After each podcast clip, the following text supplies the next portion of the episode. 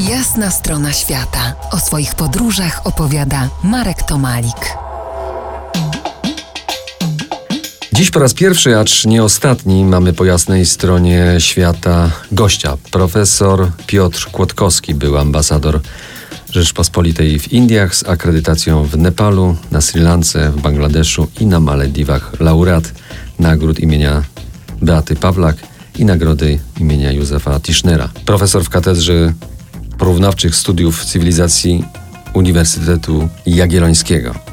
Powodem naszego spotkania przy mikrofonie jest y, Twoja, Piotrze, najnowsza książka Imperium Boga Hanumana, czyli Indie w trzech odsłonach. Premiera tej książki 20 czerwca. Przyznam szczerze, że to pokaźne dzieło liczące prawie 450 stron połknąłem jednym tchem, choć z kilkoma przerwami. Piszesz tak pięknym językiem i tak ciekawie, że że trudno się oderwać. Ale do rzeczy. Mamy tu obraz współczesnych Indii, a także krajów ościennych, zabarwione polityką, historią. Podjąłeś się bardzo trudnego zadania sportretowania kraju, który się nieustannie zmienia i jakby chowa twarz przed takim działaniem. Jak najkrócej zdefiniowałbyś współczesne Indie? Czy to w ogóle z naszej środkowoeuropejskiej perspektywy jest w ogóle możliwe, taka, taka definicja?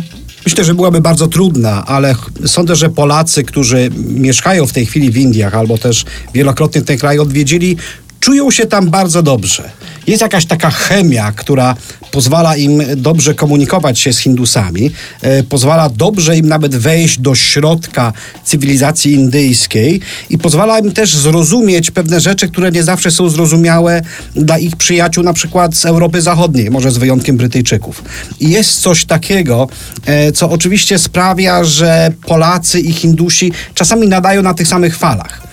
To jest takie połączenie tradycji z nowoczesnością, z pewnymi resentymentami, z pewnymi kompleksami. To wszystko w tym jest. I nagle odczuwamy, że istnieje między nami pewna więź, więź religijno-kulturowo-polityczna, bo pewnie i tutaj na tym obszarze odnajdziemy pewne wspólne elementy. Ale Indie się gwałtownie zmieniają. W tej chwili mamy rządy zupełnie nowe, zupełnie nową postać na scenie politycznej, niepodobną do poprzedniej tak zwanej pierwszej rodziny, czyli z tego rodu Nehru Gandhi. Tak, y, y, premierem jest Narendra Modi, postać zupełnie wyjątkowa, człowiek, który wywodzi się z najniższych y, kast hinduskich, no i dzięki swojemu uporowi, talentowi, również talentom oratorskim, zdobył faktycznie najwyższe stanowisko w państwie. Jest premierem. 20 lat temu w to nikt, nie, nikt, nikt w to nie uwierzył. O, jeszcze możliwe. myślę, że jeszcze 6-7 lat temu prawdopodobnie nikt to by nie uwierzył.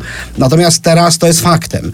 Rzeczywiście zdetronizował pierwszą rodzinę. Nehru Gandhi, która porównywana była z rodziną Kennedy, czy nawet e, z rodziną królewską Wielkiej Brytanii. I nagle Modi chce stworzyć nowe państwo. Państwo, które z jednej strony ma być w XXI wieku oparte na najnowszych technologiach, ale z drugiej strony silnie zakotwiczone w tradycji, w kulturze hinduizmu. Postać, która mi się kojarzy z nakryciami głowy. Modi uwielbia zmieniać czapki, turbany, kapelusze. E, możemy go zobaczyć co najmniej w 20 lub też 30 nakryciach głowy. To ten symbol różnorodności kraju, a, a zarazem symbol jego takiej deklaracji, że chce być różnorodny, ale zarazem znajduje wspólną podstawę funkcjonowania dla całego państwa. No właśnie, jest zręcznym politykiem.